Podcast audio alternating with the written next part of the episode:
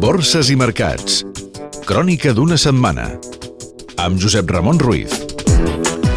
Ha estat una setmana bursària marcada per les incerteses generades per la desfeta electoral socialista a Espanya i que, segons els analistes, pot dificultar els objectius de dèficit públic davant dels temors a uns números vermells autonòmics i municipals superiors als previstos i per la renovada esposa un efecte contagi de la crisi del deute a Europa després de les rebaixes de les perspectives d'Itàlia i Bèlgica. També per la reunió del G8, per la recerca d'un candidat per al Fons Monetari Internacional, per la inestabilitat en el preu de les matèries primeres i per l'alentiment del creixement econòmic mundial després de les decebedores xifres d'ocupació setmanal i del PIB del primer trimestre als Estats Units.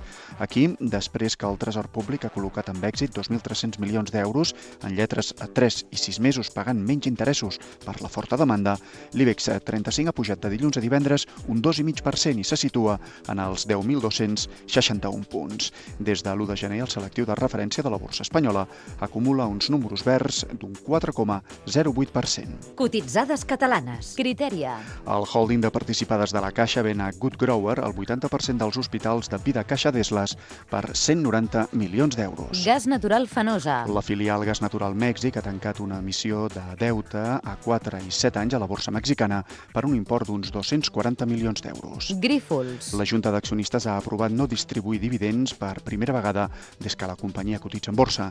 La decisió justifica per la imminent compra de la nord-americana Talecris. El Mirall. Els laboratoris han rebut el vistiplau d'Alemanya per a la comercialització del seu fàrmac Sativex. El llançament s'espera pel pròxim mes de juliol. Fergo Aisa. El regulador del mercat ha multat amb 60.000 euros i suspès cautelarment la seva cotització perquè no ha presentat els comptes de 2010. La immobiliària diu que no pot publicar les xifres perquè està negociant amb Catalunya Caixa la retirada de la sol·licitud de concurs. L'euro. La incertesa sobre la reestructuració del deute de Grècia i el seu possible contagi a altres països com ara Irlanda i la possibilitat que la Xina i inversors asiàtics comprin bons europeus del rescat de Portugal han estat la portada setmanal en el mercat de divises. Lleument enfortit aquest divendres, el Banc Central Europeu n'ha fixat el seu canvi oficial a 1,4265 dòlars. El petroli.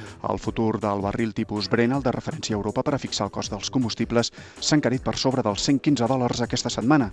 En només dos dies ha pujat un 6%, tot plegat per les bones previsions de les firmes d'inversió nord-americanes. Creuen en la recuperació dels Estats Units i la bona demanda emergent. Vocabulari financer. Què és el Latibex? És l'índex espanyol en el que es negocien els 32 principals valors del mercat bursari de l'Amèrica Llatina. Brasil, Mèxic i Xile són els països que porten més empreses. L'avantatge d'aquest índex pels inversors és que poden negociar els títols en euros.